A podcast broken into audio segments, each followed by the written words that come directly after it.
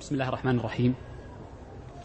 الحمد لله رب العالمين وأشهد أن لا إله إلا الله وحده لا شريك له وأشهد أن محمدا عبده ورسوله صلى الله عليه وعلى آله وأصحابه وسلم تسليما كثيرا إلى يوم الدين. أما بعد فنبدأ اليوم بمشيئة الله عز وجل بالحديث عن كتاب البيع.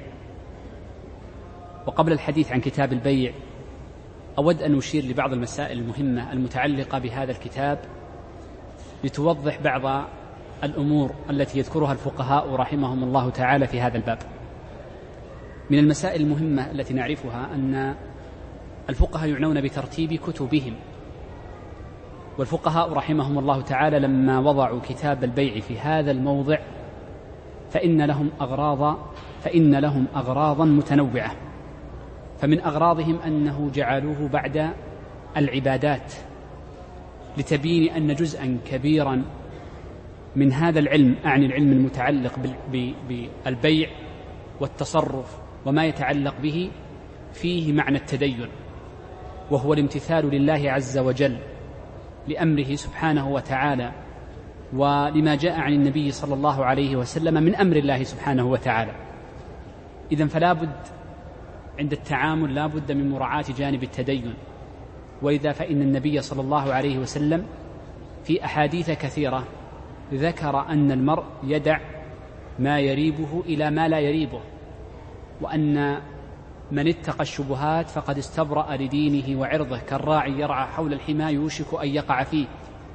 وبين النبي صلى الله عليه وسلم أن الرزق وإن كان حلالا إلا أن بعضه يكون أطيب من بعض. فقد قال النبي صلى الله عليه وسلم أن كسب الحجام خبيث مع أن النبي صلى الله عليه وسلم احتجم وأعطى الحجام أجرة. مما يدلنا على أن المراد بالخبث هنا ليس الحرمة وإنما عدم كمال الطيب.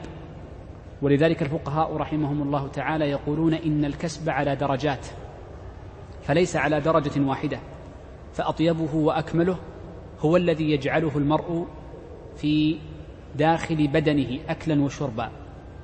ثم إن كان دون ذلك جعله يواري بدنه كثوبه كثوبه. ثم يجعله لسكنه ثم يجعله لضيفه وناضحه. ولذا فإن النبي صلى الله عليه وسلم لما سأله الحجام عن أجرة الحجامة قال أعلفه ناضحك. والمراد بالناضح هو الخادم الذي يأتيه بالماء أو البعير الذي يأتيه بالماء. لم يقل له إن أجرة الحجام حج إن أجرة الحجامة محرمة وإنما قال إنها خبيثة أي ليست في كمال الطيب ليست طيبة كمال الطيب لما فيها من مباشرة الدم ولمسه فكان فيها النقص من هذا الجانب. فالمقصود أن باب المعاملات فيها أمر مهم يتعلق بتدين العبد مع ربه جل وعلا. والمسلم يترك كثيرا من الأمور المحرمة لأجل ذلك. بل إن المرء إذا كمل دينه عرف أحكام هذا الباب بالخصوص. فقد ذكر الشيخ تقي الدين عند قول الله عز وجل وقالوا إنما البيع مثل الربا وأحل الله البيع وحرم الربا. أن بعض المنتسبين للعلم قالوا لم نجد فرقا بين البيع وبين الربا. فإن, في فإن كليهما فيه معاوضة بقصد الربح. قالوا ولكن نحرمه تعبدا وتدينا. قال الشيخ هؤلاء لم يلج في قلبهم نور العلم والإيمان. لأن من جاء في قلبه نور العلم والإيمان عرف الفروق بين المسائل وعرف هذا الضرر لما حرم وأن هذا العقد لما حرم وما المقصود منه. ولذلك من قذف الله في قلبه نور الإيمان وعرف العلم على حقيقته بتعليله فإنه لا يتحايل لا يتحايل على المعاملات. فما كان محرما لعينه لذاته فإنه لا يتحايل عليه مطلقا. والقاعدة وستأتي إشارة في باب الربا أن التحايل على المحرمات نوعان. أن ما كان محرما لذاته فإن التحايل عليه محرم ولا يحله. وما كان محرما لغيره أي محرما من باب تحريم الوسائل فإنه يجوز التحيل عليه مثل ما قال النبي صلى الله عليه وسلم بع الجمع بالدراهم واشتري بالدراهم جديدا وسيأتي الحديث عنه في محله إن شاء الله. هذه مسألة. المسألة الثانية مما يتعلق بترتيبه أن المصنف أو الفقهاء رحمهم الله تعالى ذكروا البيع وأعقبوا بعده النكاح وذلك لأن كثيرا من أحكام النكاح متعلقة بالبيع إذ كما قال الشمس الزركشي في شرحه للخرقي أن المعاوضات على نوعين معاوضات محضة وهي البيع والإجارة والسلم وغير ذلك من المعاملات. ونوع ثاني من المعاوضات معاوضات ليست بمحضة ليست محضة وهي النكاح والمهر فيه والخلع وعوضه وما يتعلق من الفسوخات ونحوها. فالمقصود من هذا أن تقديم البيع على النكاح مفيد في أن جزءا من أحكام النكاح مما يتعلق بالصداق والعيب فيه وضمانه ونحو ذلك ومثله عوض الخلع راجعة إلى البيع. كما أن في ترتيب الفقهاء أيضا نكتة ثالثة فإنهم لما بدأوا كتاب البيع أو المعاملات بدأوا لما تكلموا عن أحكام المعاملات المعاوضات عموما والعقود بدأوه بكتاب البيع. لأن كل العقود لا بد أن ترجع بطريقة أو بأخرى لهذا العقد. ولذلك يسمى البيع بأبو العقود بأبو العقود. ولذا الفقهاء فعندما يتكلمون عن كتاب البيع الذي سنبدأ به اليوم يتوسعون في ذكر الشروط المتعلقة بالعاقدين ويذكرون الصيغة ويذكرون الشروط العامة في المعقود عليه. وهذه الشروط يكتفون بذكرها في البيع عن تكرارها في سائر العقود بعده فهي مشروطة بعد ذلك. ولذلك في المطولات عندما يذكر هذه الشروط يمثل لها بالهبة يمثل لها بقبول الوصية يمثل لها بالإجارة بالسلم بالوديعة ونحو ذلك. إذ كثير من أحكام المعاملات تذكر في كتاب البيع بخصوصه. إذا هذا المسألة الأولى فيما يتعلق بترتيب الباب. المسألة الثانية لنعلم أن كثيرا من مسائل البيع فيها خلاف وإشكال بين أهل العلم. ومرد الخلاف والإشكال بينهم أن المناطات مختلفة إذ الأحاديث والنصوص في العبادات أكثر. ولذلك فإنما يكون الحكم والمرد للنصوص في العبادات التي انتهينا منها في الدرس الماضي.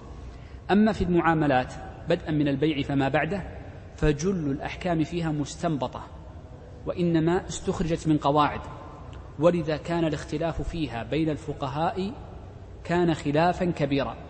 حتى إن عمر بن الخطاب رضي الله عنه استشكل أبوابا من الربا وقال لقد وددت أن النبي صلى الله عليه وسلم بين لنا فيها مزيد بيان رفعا للخلاف الذي وجد أو سيوجد بعد الصحابة رضوان الله عليهم. ليس معنى ذلك أن عمر لم يكن له اجتهاد في هذه المسألة.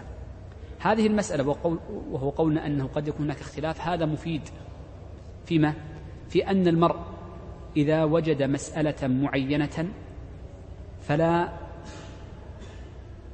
يعني يوفر جهدا في البحث والتمحيص والاستدلال على هذه والبحث عن ما يدل عليها. حتى إن الشيخ تقي الدين لما ألف رسالته المشهورة في الربا وفي القبض وما يتعلق به قال إني جعل إني جلست أوقاتا طويلة وأنا أستخير الله عز وجل وأتضرع إليه سبحانه وتعالى في أن يحل علي أو في أن يحل لي ما استشكل من هذه الأبواب. فالإنسان لا بد له أن يستعين بالله عز وجل وليعلم أن كثير من مسائل البيع فيها إشكال. هذه المسألة تفيدنا بامر يتعلق بها وهو أننا عندما نتكلم عن أحكام البيع هنا فإنما نشرحه على مشهور المذهب. إنما نشرحه على مشهور المذهب. وأما التطبيق فإن الفتوى قد تكون على خلاف ذلك في مسائل كثيرة جدا. ولذلك أنا صعب أنني أذكر كل مسألة ما الذي عليه الفتوى كما مشينا عليه من أول الكتاب. والشيخ تقي الدين لما ذكر كلام الفقهاء في باب البيع بالخصوص قال إن الفقهاء ذكروا قيودا وشروطا وقواعد وحدود هذه الحدود ضيقت على الناس وشددت عليهم حتى أصبح الناس بين رجلين بين رجل يتحيل عليها بالحيل وآخر يقع في الحرام متاثما. قال وإنما الأصل في هذا الباب السعة والتسهيل. ثم ذكر كلاما طويلا نحو ما ذكرت أو بمعنى. فالمقصود أننا أحيانا قد نذكر على المذهب أشياء ربما تكون الفتوى العامة على خلافه مع العلم أن أسهل المذاهب وأيسرها وأوسعها في باب المعاملات هم الحنابلة. إذ لو, لو نظرت في كتب غيرهم لرأيت من الشدة أكثر مما هو موجود هنا. ولكن يعني الراجح والصحيح الذي يفتى به طبعا مسائل أخرى ربما نجعل لها دورة أخرى إن شاء الله في الكلام عنها في توسل. المسألة الأخيرة قبل أن نبدأ بكتاب بكلام المصنف لنعلم أن المعاملات تدرس على طريقتين. الطريقة الأولى أن تؤخذ على هيئة قواعد كلية ثم تفرع عليها الجزئيات. والطريقة الثانية أن تؤخذ الجزئيات وتحفظ وتعرف وهي طريقة الفقهاء. ثم بعد ذلك الطالب أو الناظر إذا عرف الجزئيات بعد ذلك عرف الكليات فنزل عليها النوازل ونزل عليها ما استحدث من المسائل وقد اختلف الفقهاء في أيهم أولى في التقديم الكليات أم الجزئيات. وهذا هو الذي اختلفه القا... اختلف فيه القاضي أبو يعلى مع تلميذه أبو الوفا بن عقيل. فقال القاضي بل يجب تقديم الجزئيات الفروع على الأصول وهي الكليات. وقال أبو الوفا العكس.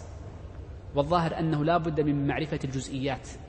لأن الكليات أحيانا قد تكون واضحة ولكن تحقيق المناط فيها يكون صعبا. وأضرب لذلك مثالا. أن تستطيع أن تجمع المعاملات كلها في قاعدة واحدة. فتقول كل العقود جائزة إلا ما كان فيه ربا أو غرر. انتهى. بس. كل الذي سنقوله من الآن إلى شهرين أو ثلاثة شهور أو شهر شهرين إن شاء الله ثمانية دروس كله متعلق بهذا فقط. كل المعاملات جائزة إلا ما فيه ربا أو غرر. لكن الفقهاء يدخلون في الغرر أشياء ينازعهم فيها آخرون. ويدخلون في الربا أشياء ينازعهم فيها آخرون. فالخلاف كله في تحقيق المناط. هل هذه داخلة في الربا وداخلة في الغرر أم لا؟ وما استثني من الغرر وهو الغرر اليسير الذي جاز بإجماع أهل العلم.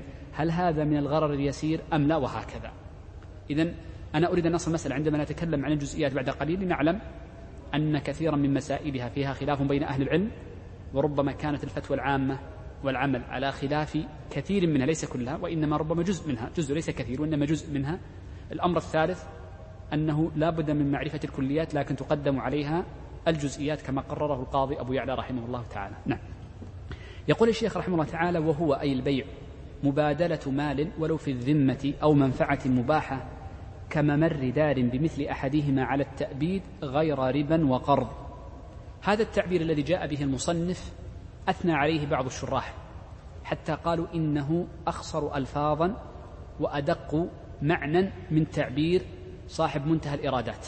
ذكر ذلك ابن قايد في حاشيته فقال إن تعبير المصنف هنا في الزاد تعبير دقيق موجز أدخل ما لم يأتي به آه، الفتوحي في المنتهى. لنأخذه جملة جملة أو كلمة كلمة لنعرف المسائل التي فيه. قوله وهو مبادلة المبادلة تدل على أنه لابد أن يكون هناك طرفان. طرفان يكون شخصان في هذا العقد. ولذلك يقول الفقهاء إن العقود التي أمر الله عز وجل بالوفاء بها يا أيها الذين آمنوا أوفوا بالعقود العقود نوعان. هناك نوع من العقود هو المتبادر عند أهل العلم وهي العقود التي تكون من طرفين. كالبيع والإجارة والهبة وغيرها. وهناك عقود إنما تكون من طرف واحد. وهذه العقود التي تكون من طرف واحد قالوا مثاله الوقف. ولذلك الفقهاء يخرجونه عن باب البيع وملحقاته ويجعلونه في آخر المسائل. ولكن جل استخدام الفقهاء للعقد هو ما كان فيه مبادلة ما كان بين طرفين. طيب قال مبادلة مال. سيأتي بعد قليل أن المراد بالمال في شروط البيع بعد قليل هو وأن مراد الفقهاء بالمال هو المال الذي تكون فيه منفعة مباحة لغير حاجة سيأتي بعد قليل. ولكن المصنف قبل أن يتم التعريف جعل استطرادا بذكر أنواع المال الذي يكون فيه المبادلة. ذكر أنواع المال الذي تكون فيه المبادلة. فقال أولا ولو في الذمة وثانيا أو منفعة مباحة. إذا كلام المصنف يدلنا. انظروا معي هي تحتاج إلى دقة بعض الشيء. أن هذا المال الذي يتبادله الطرفان نبدأ بالمال من أحد الجهتين وسيكون مثله في الجهة الأخرى. إما أن يكون عينا وإما أن يكون منفعة. وإما أن يكون دينا وإما أن يكون حاضرا موجودا. يعني ليس في الذمة في الذمة هو الدين والعين الذي يكون حاضرا. إذا أصبح عندنا حالتان باعتبار نوع المبيع وحالتان باعتبار وجوده وغيابه. في الذمة أي دين وعدم الذمة في الحضور. وقبل أن نبدأ بالحالات الثلاث مع الثلاث فتصبح تسع. لنعرف أن الأشياء التي تباع ثلاثة أشياء. أو الأشياء التي نقول ماذا قلت تباع وإنما الأشياء التي تملك. لنعلم أن الأشياء التي تملك ثلاثة أشياء. أول هذه الأشياء الثلاثة هي الأعيان وثانيه المنافع وثالثه الاختصاص. هذه الأشياء التي تملك فقط لا يوجد غيرها الثلاثة. أعيان وهو كل شيء ملموس. ملموس كأس عين ريالات عين. كتاب عين لاقط عين بيت عين دابة عين. إذا كل شيء ملموس. منفعة هي منافع الأعيان. سكن البيت المرور في الطريق ركوب الدابة. منفعة الآدمي وهو الإجارة. إذا هذه منفعة غير ملموسة لكنها تكون من باب الخدمة أو تكون من باب المنافع. مع بقاء العين لشخص آخر. إذا هذا تسمى إيش؟ منفعة. النوع الثالث الاختصاص. ما الاختصاص؟ هو حكم شرعي يبيح به الشرع لمن اختص بعين أو بمنفعة أن ينتفع بها فقط. أحيانا يكون الاختصاص للأعيان مثل طبعا ولكنه لا يكون ولكنه لا يكون يعني يكون الملك ملك اختصاص ولكنه ليس ملك أعيان على سبيل الإطلاق.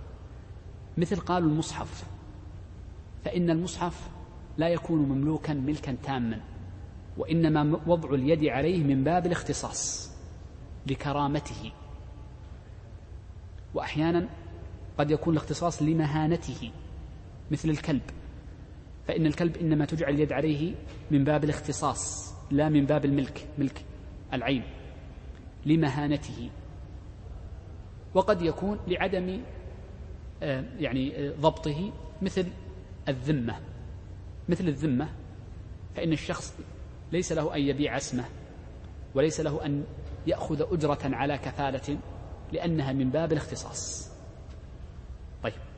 أما الأول والثاني سنتكلم عنه بعد قليل أنه يجوز بيع المنافع والأعيان وأما الاختصاص فإن مشهور المذهب أنه لا يجوز بيع الاختصاص لا يجوز بيع الاختصاص مطلقا. وحكى الإجماع على عدم بيعه ابن فرحون المالكي وابن قدامة في المغني حكاه إجماعا. فكل ما كان من باب الاختصاص لا يجوز بيعه لكن يجوز التنازل. يجوز أن تنقله من باب التنازل. يجوز أن تنقله من باب الإرث. وسيأتي أمثلة له بعد قليل. سيأتي ما كان من باب الاختصاص بعد قليل.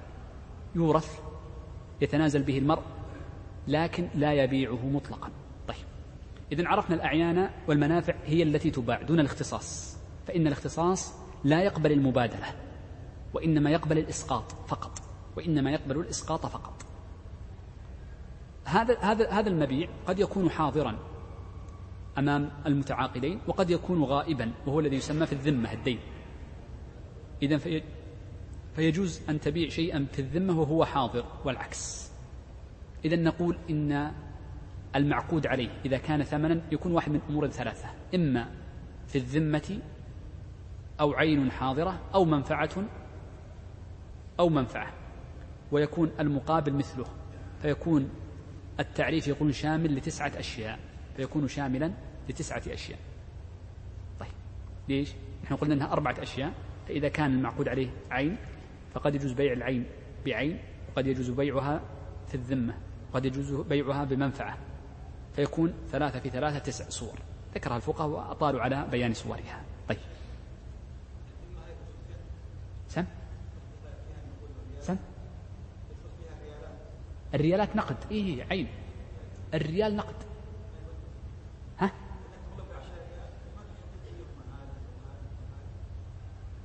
موصوف يعني قصدك؟ الموصوفات هي التي في الذمة.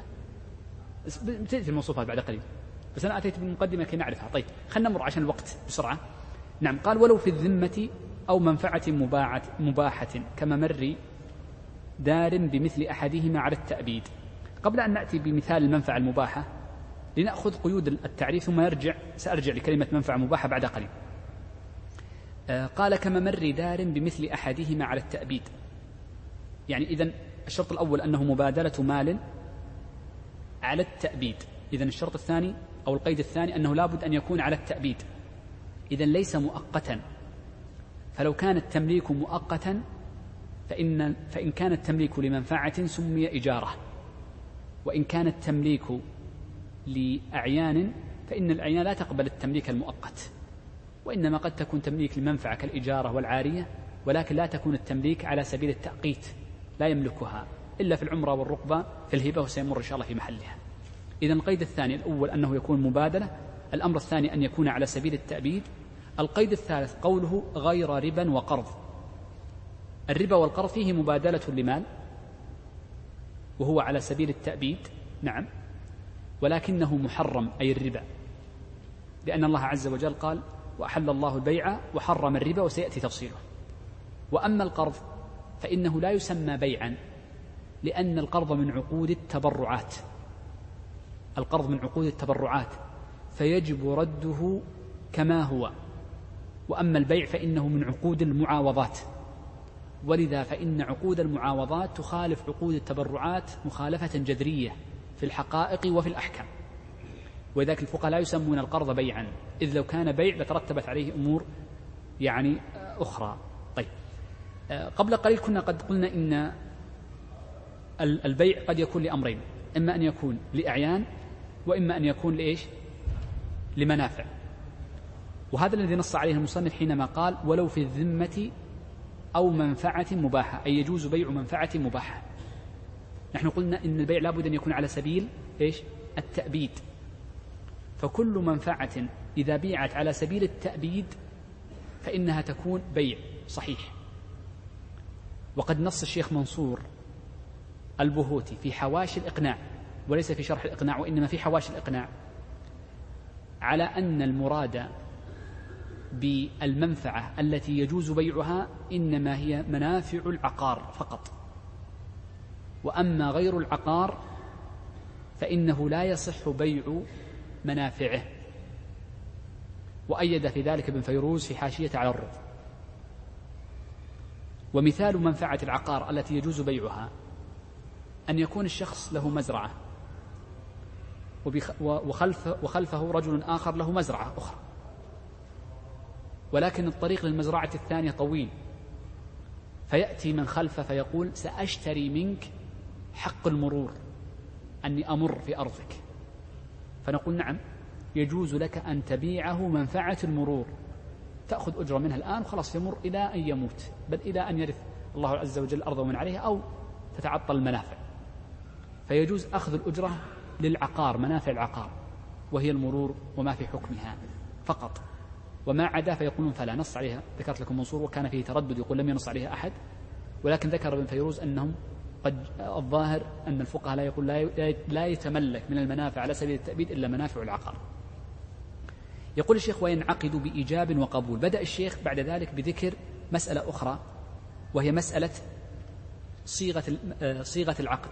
ما الذي ينعقد به عقد البيع فقال ينعقد بإيجاب وقبول. الإيجاب هو الذي يكون من البائع الذي هو المملك والقبول ممن يتملك وهو المشتري. وكلمة قبول يصح قبول ويصح قبول وجهان لغويان صحيحان لا إشكال. طيب. آه، الفقهاء يقولون يجوز تقدم الإيجاب على القبول وتقدم القبول عليه. لذلك قال المصنف وينعقد بإيجاب وقبول بعده وقبله. إذا يجوز تقدم الإيجاب على القبول ويجوز العكس. فيقول الشخص بعتك ويقول قبلت أو اشتريت والثاني يقول بعت أو قبلت. يجوز. إذا يجوز أن يتقدم أحدهما على الآخر. طبعا إلا الحنفية. الحنفية يرون أن المتقدم منهما يسمى إيجابا والمتأخر يسمى قبولا على سبيل الإطلاق لكن هذه مسألة أخرى. طيب. الإيجاب والقبول قالوا لابد أن يكون بأحد صيغتين. إما أن يكون بصيغة الأمر بعني أو اشتر أو بصيغة فعل ماض وليس على صيغة استفهام.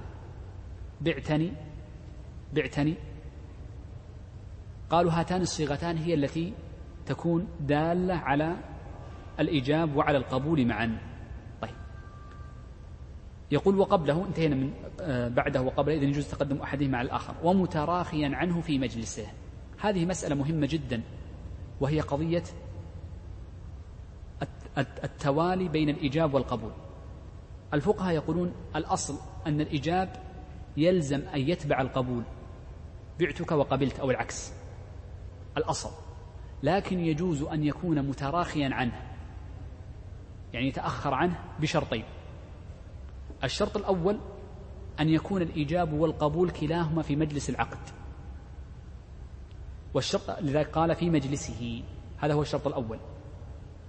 الشرط الثاني ما ذكر المصنف في قوله فإن اشتغل بما يقطعه بطل. بمعنى أن الشرط الثاني يجب أن لا يكون بين الإيجاب والقبول فاصل طويل عرفا. فلا يكون هناك فاصل طويل عرفا بأن يتشاغل بكلام ونحوه بل يجب أن يكون متواليا أو أن يكون متراخيا عنه لكن في مجلس العقد ولا فاصل بينهما. إذا هما شرطان. إذا هما شرطان. طيب. إذا الشرط الأول لا بد أن يكون في مجلسه أي في مجلس العقد وسنرجع له بعد قليل. والشرط الثاني أنه لا بد أن لا يكون بينهما فاصل. ولذلك يقول فإن اشتغل أي المتعاقدين بما يقطعه أي بما يقطع الإيجاب والقبول عرفا عرفا طبعا بطل أي بطل بطل الإيجاب والقبول فيجب أن يعيد الكلام مرة أخرى. لما قال الفقهاء ذلك قبل أن نأتي لتفريع هذه المسألة؟ قالوا حفظا للحقوق فإنه ربما كان هناك إيجاب من بائع ثم تراخى عنه فترة طويلة وتكلم بعد المجلس بيوم أو بيومين. فهل نقول إنه قد انعقد البيع؟ كما يقول تشتري. بعد يوم قال قبلت. قالوا صعب. إذا لا بد أن يحد بحد. وأقرب حد حده النبي صلى الله عليه وسلم المجلس فإنه قال البيعان بالخيار ما لم يتفرقا هذا هذا دليل على اشتراط كونه في المجلس الإجابة والقبول. كونه عدم وجود الفصل قالوا لأن الفصل بين الكلام يقطعه. فكأنه انتقل من معنى لمعنى آخر. فلربما رجع في كلامه أو لم يريد البيع حقيقة. طيب إذن هذه المسألة المتعلقة بأشراط المقابلة بين الإيجاب والقبول في مجلس العقد. عندنا مسألة مهمة جدا وهي مسألة ما الذي في حكم مجلس العقد؟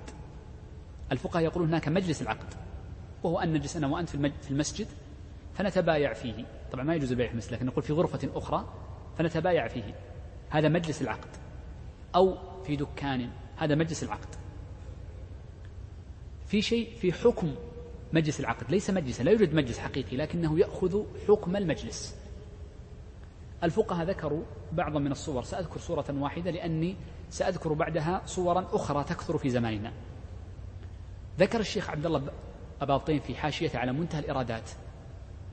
لما ذكر كلاما للشافعية وقال إن مفهوم كلام الإقناع يؤيده. فنص على أنه مفهوم كلام الإقناع وقلت لكم قبل أن مفهوم المذهب مفهوم الإقناع والمنتهى يعتبر مذهبا. فيرى أنه منصوص يعني أنه من المذهب وإن لم يكن منصوصا. قالوا وهو قضية ما يسمى ببيع الغائب كتابة.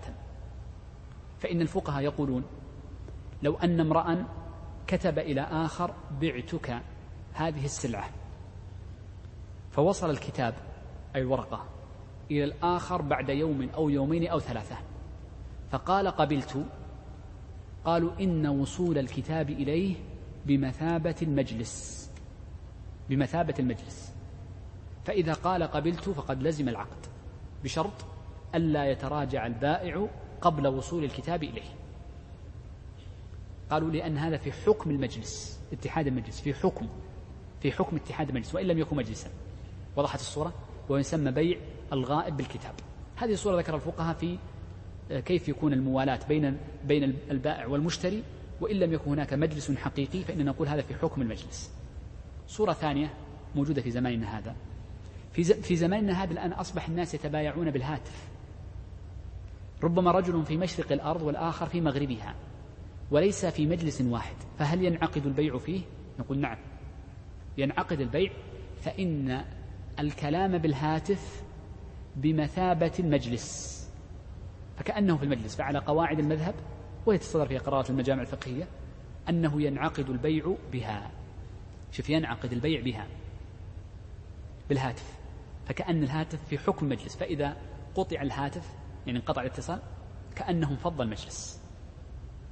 هذه صورة. صورة ثالثة. يوجد الآن من صور التبايع صور تكون شبيهة بالكتابة وغالبا توجد عن طريق الإنترنت. تذهب لموقع ما ما عليك إلا أن تحدد ما تريد شراءه ثم تضع الموافقة. فهل يلزم البيع فيه؟ الرجل الذي أمامك لم أو الشركة لم يكن حاضرا ربما القائم عليها كان نائما أو مبرمج البرنامج على ذلك فقط. نقول إن هذا في حكم المجلس فيلزم العقد به. من حين تقول قبلت من حين تشير إشارة بقبلت فإنه يكون بمثابة القبول مباشرة. لأن هذا في حكم المجلس في حكم المجلس. إذا قول الفقهاء إنه في المجلس لا يقصدون المجلس لذاته وإنما يقصدون المعنى. فإن قصدهم بالمجلس أمرين. فإن قصدهم بالمجلس أمران. الأمر الأول عدم التراخي بين اللفظين والأمر الثاني الأمر الأول عدم التراخي بين اللفظين والأمر الثاني أنهم قصدوا بالمجلس إثبات الخيار الذي يكون فيه الخيار فيكون هناك حد فيما بعد التعاقد. ولذلك نقول إن هذين الأمرين موجودين إن هذين الأمرين موجودان في ما في حكم المجلس. طيب يقول الشيخ وهي الصيغة القولية. بدأ الشيخ بذكر نوع ما ينعقد به فذكر أنها نوعان. النوع الأول الصيغة القولية وهو التلفظ بالكلام. التلفظ بالكلام. وهو الإيجاب والقبول وهو الأصل بالكلام. قالوا وينعقد بكل ما دل عليه. بكل ما دل عليه. خذ. أعطني. هات. بعربية أو بغيرها فإنه ينعقد البيع. إذا هذه تسمى الصيغة القولية. قال وبمعاطاة أي ويجوز البيع بالمعاطاة. قال وهي الفعلية. ما معنى المعاطاة؟ المعاطاة قالوا لها ثلاث صور. الصورة الأولى أن تكون من البائع والمشتري أن يكون الفعل من البائع والمشتري معا. فيأتي البائع فيعرض أمامه السلع ولا يتكلم. فيأتي أحد المشترين فيعطيه عشرة ويأخذ واحدة. ما تكلما جميعا. هذا أعطى وهذا أخذ. فمجرد أنه يضع النقد أمامه بمثابة القبول أو أن يقبضه على حسب عرفهم إذا هنا يكون المعاطاة بفعل من الطرفين. الحالة الثانية سهلة جدا أن يكون من أحدهما لفظ وهو الموجب. فيقول بعتك يقول بكم تبيع هذه؟ فيقول أبيعها بخمسين أو بعتها بخمسين. فيعطيه النقد فيعطيه النقد بلا كلام. بعتها بخمسين خذ من غير كلام يعني يعطيه القبض. الصورة الثالثة عكسها أن يقول اشتريتها بخمسين فيقبض المال من غير كلام. هذه الصور الثلاث كما ذكر الشيخ تقي هي صور بيع المعاطاة ثلاث صور. أن يكون كلام من أحدهما أو أن يكون الفعل منهما جميعا. طيب. عندنا هنا في المعاطاة مسألتان. المسألة الأولى أن الفقهاء يقولون وهو المذهب أنه يشترط في المعاطاة مثل ما يشترط في الصيغة القولية من التعقيب بين الإيجاب والقبول. فيجب أن لا يكون هناك فاصل طويل عرفا بين البذل وبين الأخذ. يجب أن يكون هناك تعقيب وهذا هو مشهور مذهب نص عليه جماعة متأخرين المسألة الثانية أن المعاطاة لها صور كثيرة جدا وخاصة في زماننا لها صور كثيرة. بعض أهل العلم يرى أن التعاقد بالكتابة صورة من صور المعاطاة وبعضهم يرى أنها من الصيغة القولية. والأقرب كما قرر ابن مفلح أن الكتابة صيغة قولية وليست معاطاة. لكن من صيغ المعاطاة الآن البيع بهذه الأجهزة فإنك يعني مجرد أن تدخل ريالا كأنك اشتريت. خلاص لزمك البيع. فهي بمثابة المعاطاة. آه، أن يكون في هذه وسائل الإنترنت وغيرها كلها من صور المعاطاة. صور المعاطاة كثيرة الآن في هذا الزمان جدا. طيب. يقول الشيخ ويشترط التراضي منهما. شرع الشيخ الآن بذكر شروط البيع. فبدأ بالشرط الأول قال ويشترط التراضي منهما أي من المتعاقدين البائع والشاري. وانتبه معي. الرضا انتبه هذه مسألة دقيقة. وذاك اليوم لن نطيل إن شاء الله نأخذ كالعادة سنأخذ أقل لأن الشرح يحتاج إلى تكرار وإعادة للفهم. شوف الرضا فيه معنى يقاربه أو لفظ هناك هناك لفظ يقاربه وهو القصد. القصد. فالقصد يتجه لأمرين. إما أن يتجه لللفظ وإما أن يتجه لللفظ والنتيجة. التي هي الحكم معا. فإن اتجه القصد لللفظ والنتيجة معا فإنه يسمى رضا. أعيدها بصيغة أخرى. ما معنى الرضا؟ قالوا هو القصد. ولكنه يزيد على القصد بأمر آخر. هو قصد الفعل وقصد نتيجته. قصد الفعل وقصد نتيجته. فعندما يكون واحد قاصدا للفعل وقاصدا لنتيجته نقول هو راضي راض به. وأما لو كان قاصدا للفعل دون نتيجته فلا نسميه راضيا وإنما نقول قاصدا للفعل وحده. طيب.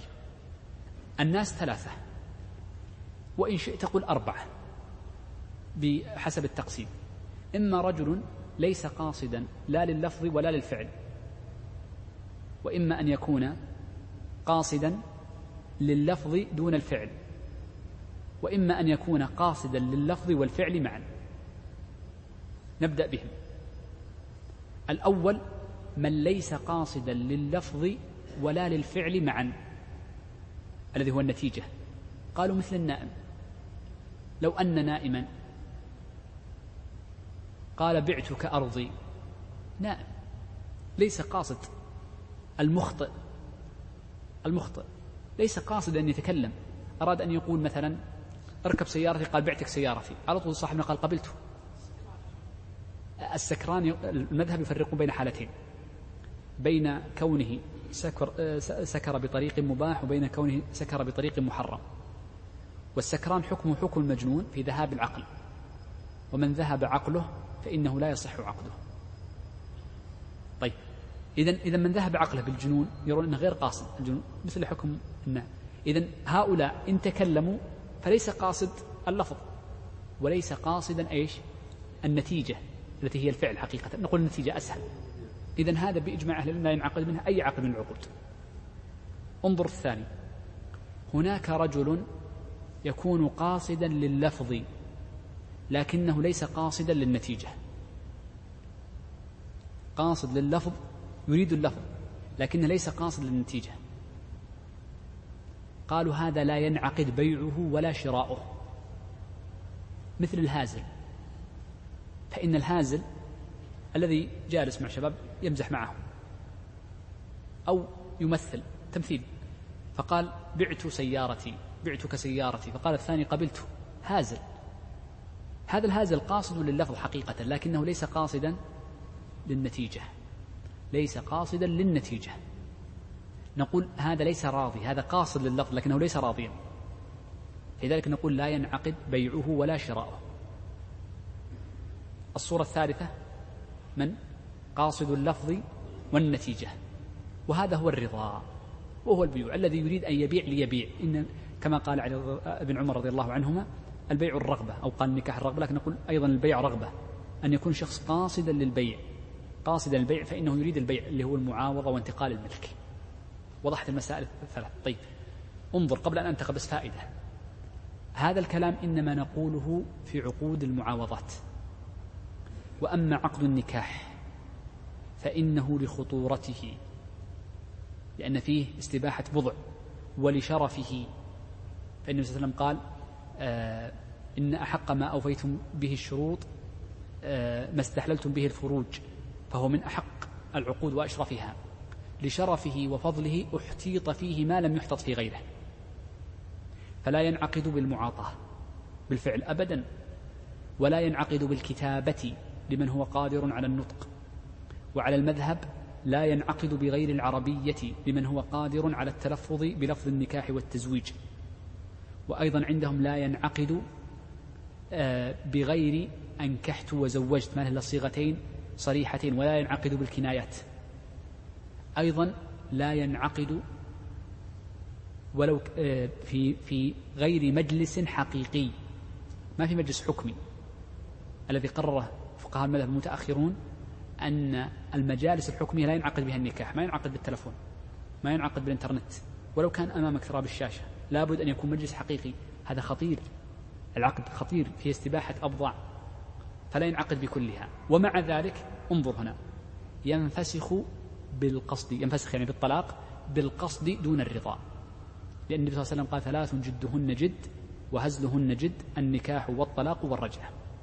إذا عقد النكاح سيأتي إن شاء الله في محله بس نريدك أن نربط المسائل أن نربط المسائل بعضها ببعض. لخطورة عقد النكاح استثني من هذه الأمور وإن كان هذه الأمور مذكورة في سائر العقود غير عقد النكاح. يقول الشيخ إذا الشرط الأول يشترط التراضي منهما. قال فلا يصح من مكره بلا حق. بدأ بأول صورة من صور آه، من فقد الرضا. من فقد الرضا. أنا ذكرت لكم صورة قبلها وهو الهازل. الهازل لا يصح بيعه ولا شراؤه. لكن لو أن امرأ هزل ثم قال الآخر قبلت ثم ادعى أمام القاضي أنه لم يكن هازلا. قال ما كان هازل كان صادق. يبقى عبء الإثبات على من؟ على البائع على البائع. هنا يكون عليه عبء إثبات. كيف تستطيع أن تثبت أنك هازل؟ طيب. وإلا الأصل في العقود الجدية. هذه مسألة أخرى خصومة. إذا قال فلا يصح من مكره بلا حق. من صور القصد من غير رضا الإكراه بغير حق. المكره انتبه معي هذه دقيقة شو الإكراه المكره إذا قيل له بع بيتك سيذهب ويقول بعت بيتي. أو يكتب ورقة بيده بعت البيت. هل أنت قاصد لللفظ نقول نعم. المكره قاصد معه عقله. هو قاصد لللفظ قاصد لللفظ لكنه ليس قاصدا للنتيجة. ما يبيها. مجبر عليها. مجبر عليها. إذا فيقولون إن المكره على البيع لا يصح عقده. شوف عبارة مكره على البيع. لأن فقهاء المذهب يقولون لو أكره على الوزن فقط. ولم يكره على البيع صح البيع. لو جاء واحد قال زن عشرة كيلو وزنها ثم قال تبيع قال نعم. إذا يصح العقد. لأن فرق بين ما كان سابقا للعقد إنما يقصد الإكراه على ذات العقد. طيب. مفهوم هذه الجملة أيضا؟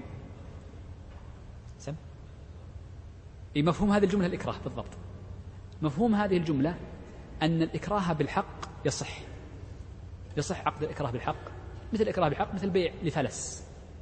من كان مفلسا فإنه يباع ما يملكه إلا ما والى بدنه وما سكن فيه وما ركبه من دابة وهي السيارة. ما عدا ذلك يؤخذ ويباع يعني غصبا عنه أو بقوة عنه إكراها عليه. وهذا الذي يبيعه القاضي والحاكم من باب الإكراه بحق من باب الإكراه بحق. طيب. عندنا مسألة أخيرة فقط قبل أن ننتقل فقط مثال. هناك عقد من العقود وجد فيه القصد لللفظ وانعدم الرضا وهو الذي يسمى بعقود التلجئة. عقود التلجئة. عقود التلجئة هو أن الشخص يلجئه أمر لفعل شيء بعينه. يأتيه شخص فيكرهه شوف يأتي شخص فيكرهه على أمر فيذهب خوفا من هذا الظالم فيبيع بيته يبيع سيارته يبيعها صوريا. إذا التلجئة أحد أسباب الصورية يبيعها صوريا يقول سأجعلها باسمك وأعطني خمسين كذا بس أمام الناس وسأجعل هذه السيارة باسمك. عقود التلجئة هذه يقولون العبرة بالباطن لا بالظاهر لأنه فقد فيه شرط الرضا. فقد فيه شرط الرضا. واضح؟ من تطبيقاتها المعاصرة بعض الناس يعني لا يستطيع أن يتملك بيتا مثلا. لأن الإجراءات تمنع هذا الشخص من تملكها. ماذا يفعل؟ يذهب لجاره يقول اشتري البيت باسمك لكنه لي. أنا الذي سأدفع الثمن. أنا الذي دفعت الثمن. فالعقد إيش؟ سوري. هذه من عقود التلجئة. العبرة بالباطن لا بالظاهر لأنه ليس قاصدا للظاهر وإنما قصد اللفظ للحقيقة.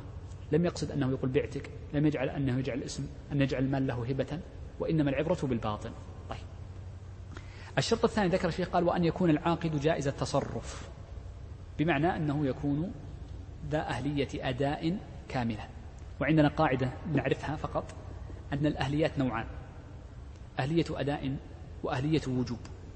فأهلية الوجوب هي القدرة على التملك. تملك الحقوق سواء مال أو غيرها مثل حق الدم وغيره وأهلية الأداء صحة التصرف. نقل الملكية. هذا تسمى أهلية الأداء. قول الفقهاء جائز التصرف أي أن له أهلية أداء. أي أن له أهلية الأداء. وأهلية الأداء تنقسم إلى قسمين مثل الوجوب أهلية أداء ناقصة وأهلية أداء كاملة. فأهلية الأداء الناقصة تثبت للشخص من حين التمييز والكاملة من حين يبلغ رشيدا. طيب. إذا قال وأن يكون جائز التصرف. وقصد الفقهاء إذا كان كامل الأهلية أهلية الأداء. بأن يبلغ رشيدا. قال فلا يصح تصرف صبي وسفيه بغير إذن وليه. هنا المصنف أتى بتعبير. قال لا يصح تصرف. ولم يقل لا يصح بيع. وإنما قال لا يصح تصرف. لكي يدخل جميع التصرفات القادمة من البيع والإجارة والهبة سواء كانت عقود معاوضات أو عقود تبرعات لكي يدخل جميع العقود في هذه الجملة. فكل العقود لا تصح من الصبي ولا السفيه بغير إذن وليه. لقول عز وجل ولا تؤتوا السفهاء أموالكم. نهي عن والأموال هي لهم ملكهم لكنها نسبت إليهم نسبة تصرف. طيب. عندنا هنا فقط مسألتان ثم ننتقل لما بعدها المسألة الأولى أن قول المصنف بغير إذن وليه أو بغير إذن ولي مشروط بالمصلحة لأن إذن الولي لابد أن يكون مبني على المصلحة. وليس بإذن مجرد على هواء هذا واحد. لابد أن يكون إذن الولي مبني على مصلحة. الأمر الثاني أن الفقهاء يستثنون من هذه الجملة أمرين. الأمر الأول أنهم يقولون يصح تصرف الصبي والسفيه في الشيء اليسير. في الشيء اليسير. الصبي أبو ست أو سبع سنوات يروح يشتري خبز أحيانا لأهله يشتري حلاوة. الشيء اليسير هذا معفو عنه. بل حكي اتفاق عليه. حكي اتفاق عليه. إذا الأمر الأول المستثنى الشيء اليسير فيصح تصرف الصبي والسفيه فيه. الأمر الثاني الذي يستثنى أيضا قالوا في قبول الهبة. الهبة إذا لم يكن فيها ضرر على الشخص في بعض الهبات فيها ضرر. تحتاج إلى كأن تكون دابة تحتاج إلى علف وتحتاج إلى مؤنة. لكن الهبة التي لا مؤنة فيها شخص قال خذ ألف ريال. قالوا فقبول الهبة. لا يشترط لها إذن. القبول ليس الرفض القبول فيصح قبول الصبي ويصح قبول السفيه للهبة. أما رفضهما فهنا لابد من الرجوع إلى, إلى, إلى إذن الولي لأن الهبة قد تكون بقصد المعاوضة فتكون هبة فتكون بيعا وهذه تسمى الهبة بقصد الثواب. وقال قال عمر كما في الموطأ من وهب هبة بقصد ثواب فهي بيع إن رضيه ولا أرده. فقد يرى وليه أنها من باب الهبة فيردها. إذا الصبي يصح منه أمران قبول الهبة والأمر الثاني الشيء اليسير من التبرعات ونحوها. طيب. يقول الشيخ وأن تكون العين مباحة النفع. هذا هو الشرط الثالث. المصنف أو بعض المصنفين غيره قالوا وأن تكون مالا. هذا هو معنى المال. معنى المال أن تكون العين المعقود عليها مباحة النفع. مباحة النفع من غير حاجة. مباحة النفع أي ليست محرمة. يقابلها المحرمة فكل شيء محرم لا يجوز التعاقد عليه. لما ثبت عند الإمام لما ثبت عند الإمام أحمد. لما ثبت عند الإمام أحمد وأبي داود أن النبي صلى الله عليه وسلم قال إن الله إذا حرم شيئا حرم ثمنه. إذا فإذا كان الشيء محرم النفع فيه نفع لكنه محرم فإنه لا يجوز عقد التعاقد عليه. هذا واحد. اثنين إذا كان الشيء لا منفعة فيه ما في منفعة مطلقا. فإنه أيضا لا يصح العقد عليه وسيأتي أمثلة المصنف. قوله من غير حاجة من غير حاجة. هناك أشياء حر أباح الشرع بعض منافعها للحاجة مثل الكلب. سيأتي بعد قليل الحديث عنه. فالكلب مستثنى لأن المنفعة التي فيه إنما أبيحت للحاجة فقط. طيب. قال الشيخ كالبغل والحمار. البغل والحمار وإن كان نجسين, نجسين نجاسة عين كما هو المذهب سبق ذكره في باب الطهارة إلا أن فيهما منفعة إلا أن فيهما منفعة مباحة وهي الحملان يحمل على الحمار ويحمر ويحمل على البغل. فيجوز بيع الحمار والبغل. يجوز بيعهما لأن فيهما منفعة مباحة. هذا واحد. قال ودود ودود القز. دود القز هو الذي يستخرج منه الحرير. وبزره. بزره زي ما نقول يعني البيض بيضة. بيضه لأن الدود يخرج منه. قالوا دود القز يؤخذ ويجعل على نبات معين ثم ينمو بطريقة معينة ويجعل له شرنقة أو كذا ثم تؤخذ ويستخرج منها الحرير. إذا منه فائدة عظيمة جدا. مثل الدود القز قالوا النحل. النحل أيضا منه فائدة يستخرج يخرج من بطنه العسل فيجوز بيع النحل. سواء منفردا أو مع عشه وخلاياه فيجوز منفردا ويجوز من باب التبع لأن من الفقهاء من يقول طب هذه القاعدة طبعا خلاف المذهب أنه لا يجوز بيع النحل إلا من باب التبع وسنتكلم عن قاعدة التبع إن شاء الله في غير اليوم. قال والفيل إذا يجوز بيع الفيل لأن فيه منفعة فإن البلدان التي فيها الفيل يحملون عليه أثقالا ويجرون بها أحمالا. قال وسباع البهائم التي تصلح للصيد إلا الكلب. هذه الجملة فيها ثلاثة أحكام ليس حكما واحدا. الحكم الأول فيها دليل على أن الكلب لا يجوز بيعه وهذا ثبت في الصحيحين حديث ابن مسعود وحديث عبد الله بن عباس وغيرهم أن النبي صلى الله عليه وسلم نهى عن ثمن الكلب. هذا واحد. اثنين فيها دليل على أن السباع أو, أو يؤخذ من هذا الحكم ليس فيها دليل وإنما يؤخذ من هذه الجملة أن السباع التي تستخدم للصيد السباع مثل النمر والفهد والأسد وغيرها. إذا كانت تستخدم للصيد فإنه يجوز بيعها. هذه الصورة الثانية. الصورة الثالثة أن السباع إذا لم تكن للصيد مثل تربيتها في البيت ونحو ذلك لا يجوز بيعها. وما لم يجوز بيعه لا يجوز شراؤه طيب. نأتي بدليلها. أما الكلب عرفنا دليلها. وأما السباع إذا كانت للصيد فإنها ليست داخلة في النهي ليست داخلة في النهي لأن النبي صلى الله عليه وسلم إنما نهى عن بيع الكلب لحقارته ولم ينهى عن الأسد أو النمر وما في حكم من السباع. فإن كان فيها نافعة للصيد فإن فيها منفعة والمنفعة غير ملغاة فجاز بيعها. وأما إن كانت هذه السباع تؤخذ لغير الصيد فيقول هذه المنفعة ملغاة لا فائدة منها وإنما هي من باب التكاثر المنهي عن شرعا فلا يجوز بيعه. هذا كلام. سمشي. أبى أتكلم عن الصيد أبى أتكلم عنها بعد قليل. انتهينا من هذه الأمور الثلاثة. طيب. آه قبل أن ننتقل آه، أو التوسع في قضية الكلب عندي عندي يعني مسألة في قضية خلينا نبدأ بالهر ثم ننتقل للكلب. آه، الهر جاء في حديث عن النبي صلى الله عليه وسلم عند أهل السنن أنه نهى عن ثمنه. ومع ذلك فإن مشهور المذهب أن الهر يجوز بيعه إن كان فيه منفعة كأكل حشرات أو أكل فئران ونحو ذلك. فقد تشتري هرا وتأتي به في مزرعتك فيأكل عنك الدواب معروف. والذي عنده مثلا آه، يعني آه، تربية مواشي يأتي بالقططة بالقط أو بالهرر أو بالبساس فإنها تأكل الدواب تأكل العقارب فمنها منفعة. هذا المذهب.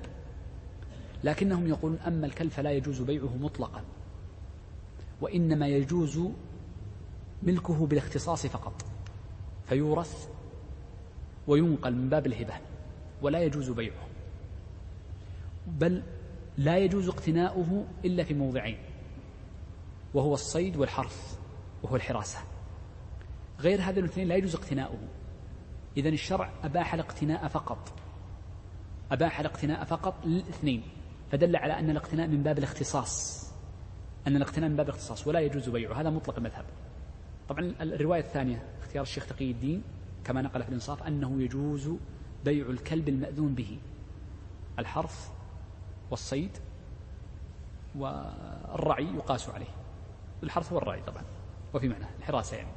طيب لكن مشهور المذهب أنه لا يجوز بيعه مطلقا وإنما تأخذه هبة أو إرسا انتهى الإشكال اللي عندك يا شيخ.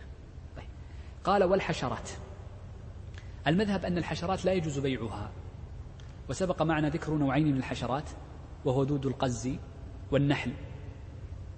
والفقهاء أيضا استثنوا نوعا آخر فقالوا إلا علقا لمص. قد يؤخذ بعض أنواع الحشرات لمص القروح قديما يجعلون على القروح بعض أنواع زي القراد يجعل فيشترى ويجعل على على الجروح يمصها. قالوا وإلا دود لصيد سمك فيجوز بيع الدود لصيد السمك.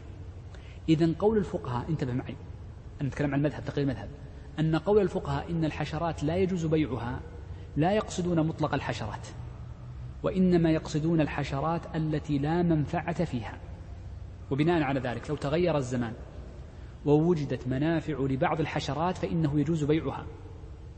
فعلى سبيل المثال الصرصار هذا يؤخذ الآن بطلاب كليات الطب ويشرحونه ففيه منفعة فيجوز بيعه ويباع هنا في شارع الضباب لكنه يطلع كبير مو زي اللي موجود عندنا في بيوتنا يشترون نوع كبير جدا فيجوز بيعه إذا فيه منفعة. إذا ضبط المنفعة تختلف من زمان لزمان ومن بلد لبلد. فقول الفقهاء هنا إن الحشرات لا يجوز بيعها ليس مطلق الحشرات بل يجب أن نقيده على المذهب فنقول إنه الحشرات التي لا منفعة فيها. لأنه من باب تضييع المال والمال أنت مستخلف فيه. طيب نمشي لأجل الوقت قال ومصحف أي ولا يجوز بيع المصحف لأنه قد ثبت عن ابن عمر وابن عباس رضي الله عنهما النهي عن بيعه. وقد قال الإمام أحمد رحمه الله تعالى لا أجد رخصة في بيع المصحف. لا يجوز بيع المصحف البتة ما يجوز. يحرم بيعه. وإنما يجوز شراؤه لتخليصه ممن يهينه ككافر ونحوه. ويجوز شراؤه لمحتاج إليه. تحتاج مصحف لكن لا تجد أحدا يعطيك إياه بالمجان. فيجوز أن تشتريه للحاجة. إذا يجوز الشراء ولا يجوز البيع. وأما البائع فإن كان يعرض عليه فإننا نقول خذه وبعه لا نقول بعه وإنما استرد ثمنه ولا تربح فيه ريالا واحدا. فعلى سبيل المكتبات هؤلاء نقول إذا دخل عليك بعشرين فيجب عليك أن تسترد مالك دون ما عداه. تسترد مالك فقط. هذا الذي يجوز. وأما ما عداه ما يجوز. وإن كان الأولى والأتم ألا تأخذ شيئا. وإنما في هذه الحالة نقول أنت بمثابة الوسيط لمن يبيع المصاحف.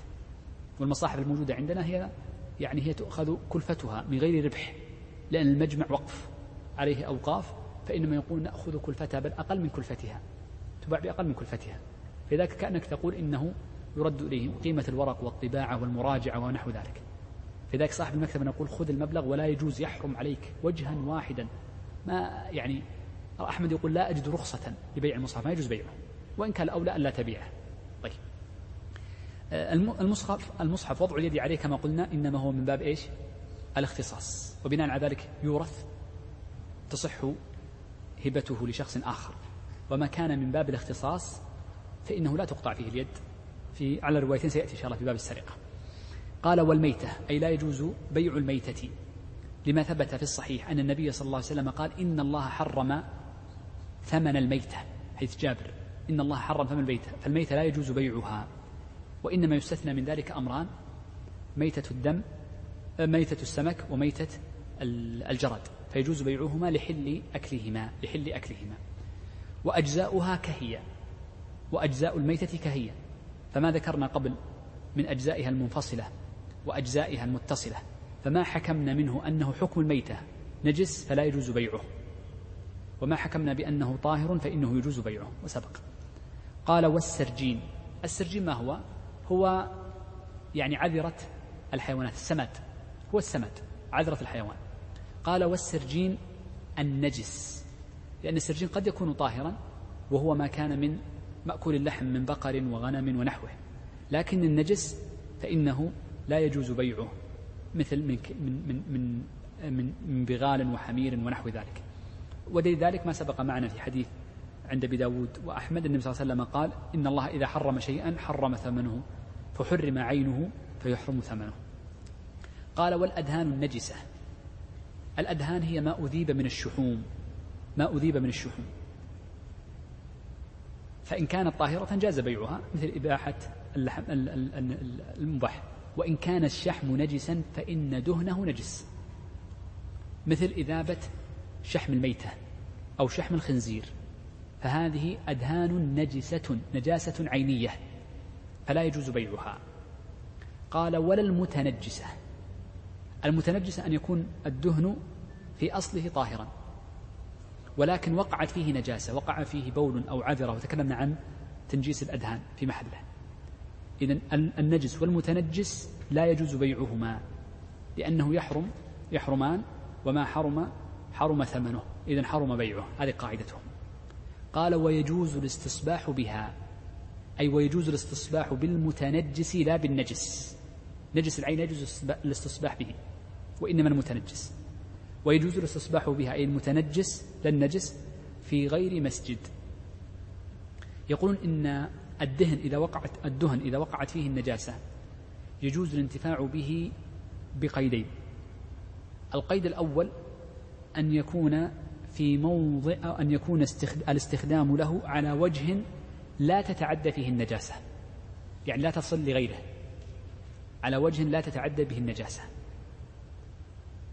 الشرط الثاني قالوا أن يستهلك.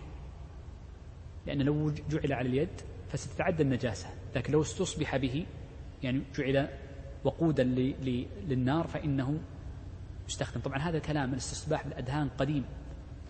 لما جاء بعد ذلك الغاز أصبح الناس لا يستصبحون بالأدهان. الغاز الشيء القليل يولع فيه شعلة كثيرة جدا. طبعا الآن ثم بحمد الله عز وجل من الله عز وجل. علينا فأصبحنا حتى لا نستصبح بالغاز إلا قليلا. وإنما نستصبح بالغاز أو نستصبح يعني نطبخ به أو نأخذ به أو الكهرب. لكن ما زال موجودا عندنا وعند غيرنا وفي البر نستخدم الغاز أحيانا حتى في الحواضر. لكن الدهن أصبح نادر جدا استخدامه يعني إلا ربما مناطق معينة ولا أظن حتى الآن الغاز أرخص. طيب. طيب. آه آخر شرط به نقف إن شاء الله. قال وأن يكون من مالك. الشرط الرابع صحة البيع أن يكون من مالك. لا بد أن يكون مالكه. ذلك في حديث حكيم الحزام عند الخمسة وهم أهل السنن وأحمد أن النبي صلى الله عليه وسلم قال لا تبع ما ليس عندك. وفي رواية عند أحمد لا تبع ما لا تملك. ما لا تملك. قال أو من يقوم مقامه. من يقوم مقام المالك هو الولي على الصبي أو الوكيل عن الموكل أو الوصي على من أوصي إليه أو من أوصي إليه عليه. قال فإن باع ملك غيره أو اشترى بعين ماله شيئا بلا إذنه لم يصح. انظر هنا. خلنا أبدأ بذكر مسألتين أو مسألة نفرق بها. ست يعني يجب أن نعرفها لكي نفهم هذا الكلام. المبيعات أو الأشياء التي تباع نوعان. إما أعيان أو موصوفات. هذه غير الأشياء اللي ذكرناها قبل. إما أعيان أو موصوفات. العين هو شيء واحد لا يتغير. شيء واحد. هذه القنينة. هذا سمى عين. هذا اسم عين. هذه القنينة. الموصوف وصفها قد يوجد في عشرات مثلها. أريد قنينة مثل هذه. إذا مثل هذا سمى إيش؟ موصوف. هذه القنينة إذا لا يوجد في الدنيا إلا واحدة. هذا يسمى عين. يقابله الموصوف. إذا الأعيان ما هي؟ هي المحددة المعروفة التي تتمايز عن غيرها. والموصوفات هو بيع لأشياء ذكرت لها أوصاف قد توجد في أكثر من عين. قد توجد في أكثر من عين. مثال آخر في الأعيان والموصوفات في السيارات. لما أقول لك أريد السيارة ألف ألف ألف رقم واحد اثنين ثلاثة هذه عين ولا لا؟ عين. لما أقول لك أعطني سيارة مثلا سيارتك يا شيخ عبد الله؟ فورد مثلي؟ وش سيارتك يا شيخ؟ فورد؟ خلينا نقول فورد أنا وياك فورد. فورد فورد يلا. لما أقول لك مثلا أعطني سيارة فورد لونها كذا موديلها كذا قد تجد خمس قد تجد ثنتين قد تجد مئة. إذا هذا بيع أعيان وهذا بيع موصوفات. نفس الشيء. أريد منك غترة ماركة كذا. هذا موصوف. أريد هذه أو هذه. بعتك هذه. هذا بيع أعيان. إذا نفرق بين الأعيان والموصوفات. هذا مهم جدا التفريق بينهما. في باب السلم وهنا وفي غيره بيع الفضولي هنا نتكلم عن بيع الفضولي وهو بيع من لا يملك. نبدأ في كلام المصنف. يقول إن باع ملك غيره. بيع ملك غيره. الذي لا يملكه. باع ملك غيره. يشمل الأعيان والموصوفات. شوف هنا يشمل الأعيان والموصوفات. من باع ملك غيره يشمل الأعيان والموصوفات. أو اشترى بعين ماله. يشمل إيش؟ الأعيان دون الموصوفات. ماله أي مال غيره. قوله اشترى بعين ماله أي اشترى بمال بعين مال غيره. شيئا أي شيء سواء كان منفعة أو عين. أو دين. بلا إذنه لم يأذن فإنه لا يصح. إذن هي كم صورة عندنا؟ ثلاث صور نبدأ بها صورة صورة باع عين ملك غيره. جئت وقلت سيارة الشيخ بعتها بعشرة ألاف بعت سيارة الشيخ. هذا إيش؟ بيع. لا سيارته. بعت عينه بعين ماله. ما يجوز ما يصح البيع. حتى لو أمضاه على المذهب ما يصح. بيع الفضولي ما يجوز إلا في صورة سيأتي بعد قليل هذا بيع الفضولي ما يصح. طيب بيع موصوف رحت الرجل عنده قمح كثير أو عنده مزرعة عنده مزرعة وعنده تمر جيد. فقل بعتك خمس كيلوات من تمر فلان. ما قلت تمر خلاص موجود في عشرين مزرعة. لا تمر فلان لا يوجد إلا عند فلان بعينه. هذا بيع إيش؟ موصوف عند فلان. قد يعطيني هذه وقد يعطيني من هذا من الشجر لكنه موصوف عنده لكنه يملك فلان بعينه. نقول ما يصح. الموصوف لا يتعلق بملك الأشخاص. في السلم نقول بعتك تمرا. تمر خلاص تمر سكري تمر برني تمر عجوة. ولكن لا أقول تمر الموجود في مزرعة فلان. ما يجوز. لأن هذا بيع موصوف في ملك الغير. ففي كلا الحالتين لا يصح العقد على المذهب. حتى لو كان بحضرة صاحب الملك الشيخ. زين؟ حتى لو كان بحضرته. حتى لو كان بحضرته وسكوته. ما يصح. حتى لو أقره بعد التعاقد. ما يصح. فالمذهب أن بيع الفضول لا يصح في هذه الصورة في البيع. سيأتي صورة واحدة مستثنى إذا في بيع لا يصح مطلقا. طيب في الشراء يقولون إنه إذا اشترى بعين ماله شيئا بلا إذنه اشترى بعين ماله. يعني أخذ مالا بعينه ثم اشترى له يقولون ما يصح.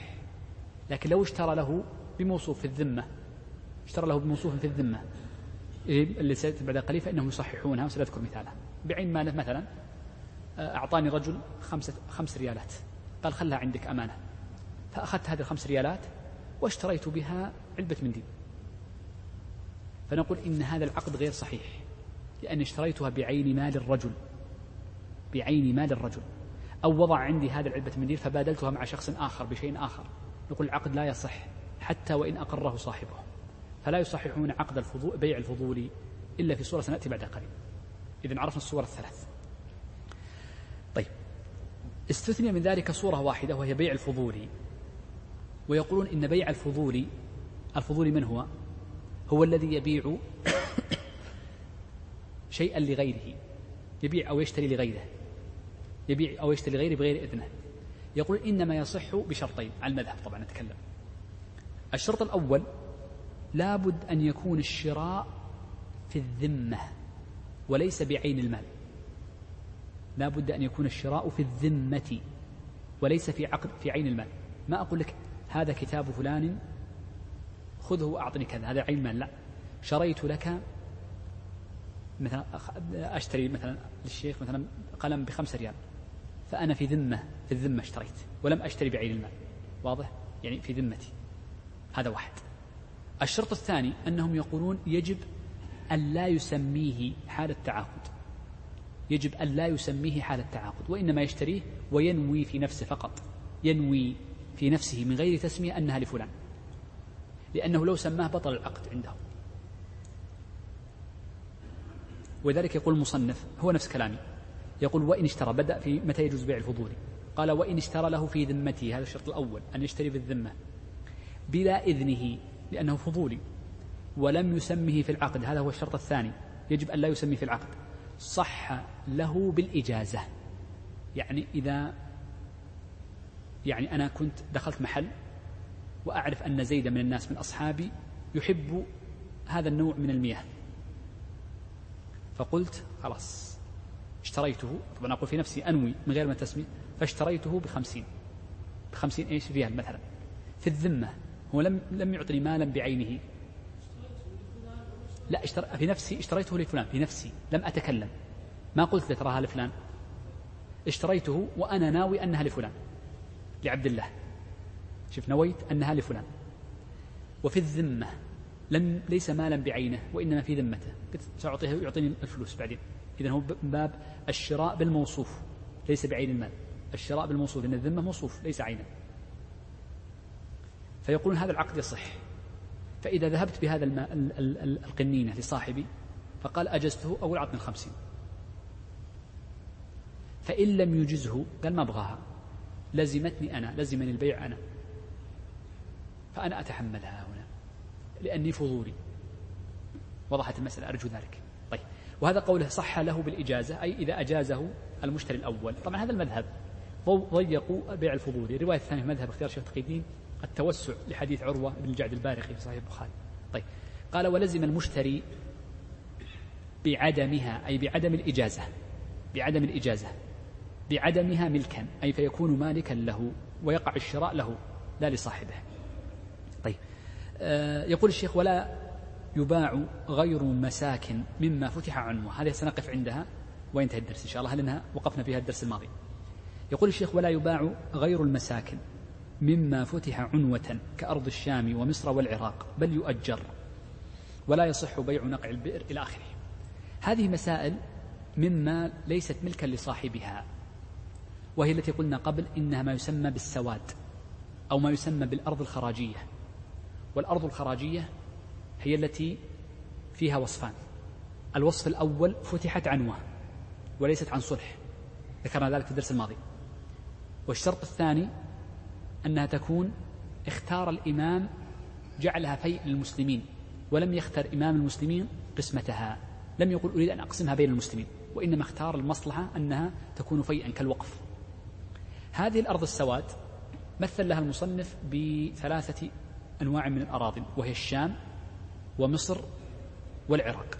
وقد ذكرت لكم في الدرس الماضي الحديث في مصر وذكرت لكم أن بعض علماء مصر وهذا كتابه بين يدي ألف كتابا لتقرير أن الأرض الخراجية ما زالت إلى الآن واسمه أحمد إبراهيم جاب الله.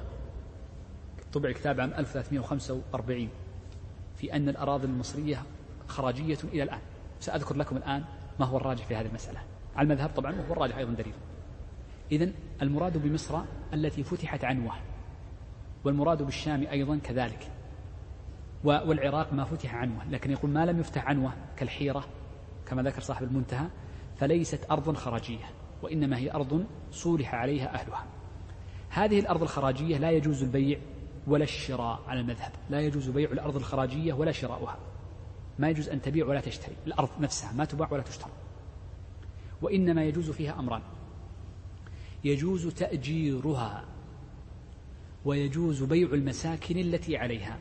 البناء فقط. تبيع البناء ولا تبيع الأرض. لأن الأرض وقف للمسلمين عامة. فهي تباع فلا يباع الأصل. فهي في حكم الوقف.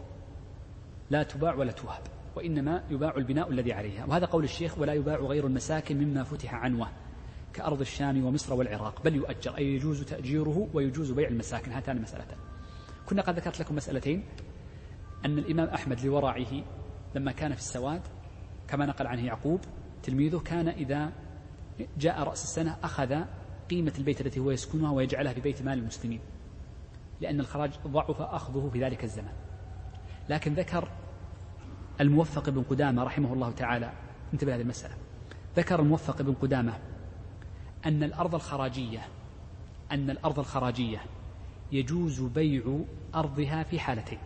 يعني يجوز بيع القرار في حالتين. الحالة الأولى إذا رأى الإمام المصلحة في بيعها. والحالة الثانية إذا حكم حاكم أي قاضي من قضاة المسلمين بصحة البيع فيها. لأن أبا يوسف له رأي في قضية الخراجية وما في معناها. إذن هاتان المسألتان يجوز فيهما التملك. نص عليه الموفق بن قدامة. وقد ذكر الشيخ تقي الدين لما تكلم عن أراضي المصرية الخراجية.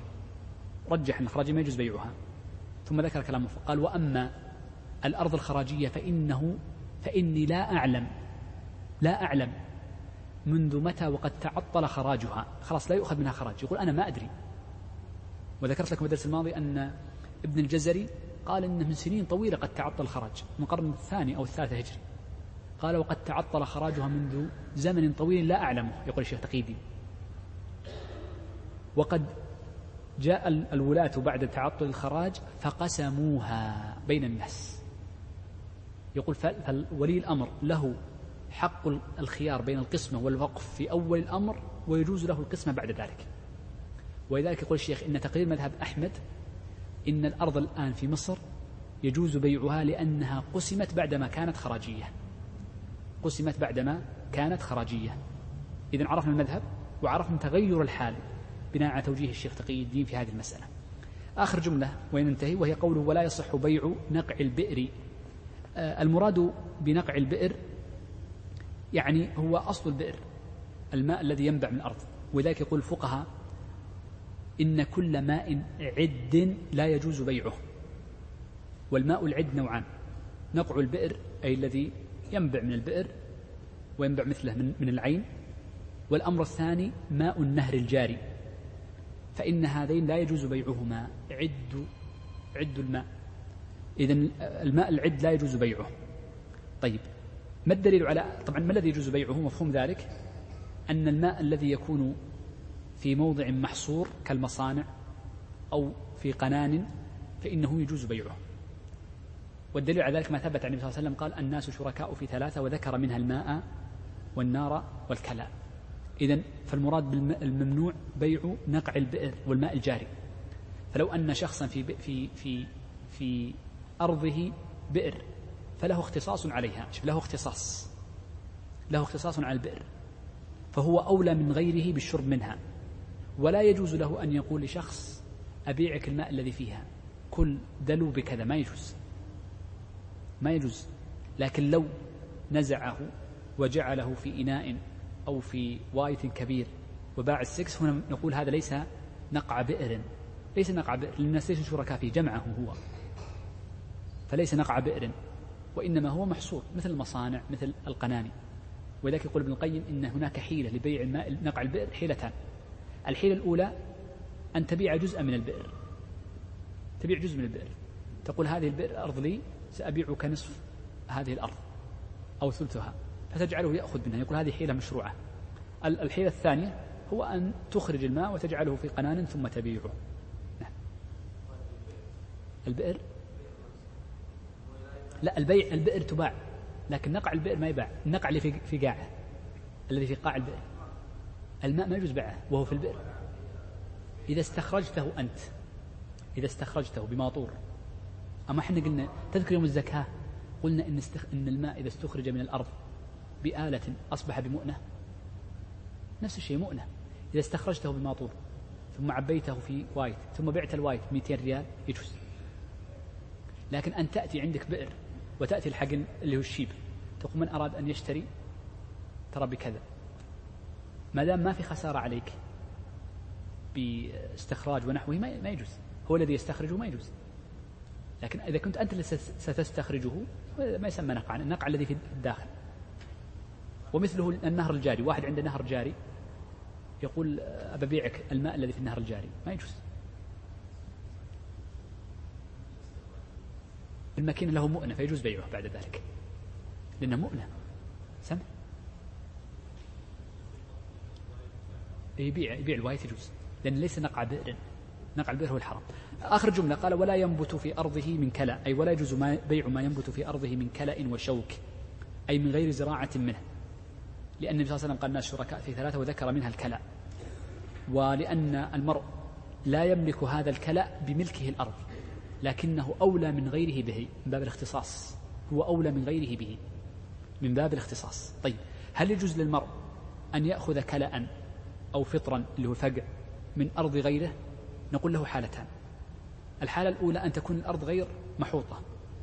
فيجوز الدخول إذا لم يكن هناك ضرر على الشخص إذا كانت غير محوطة.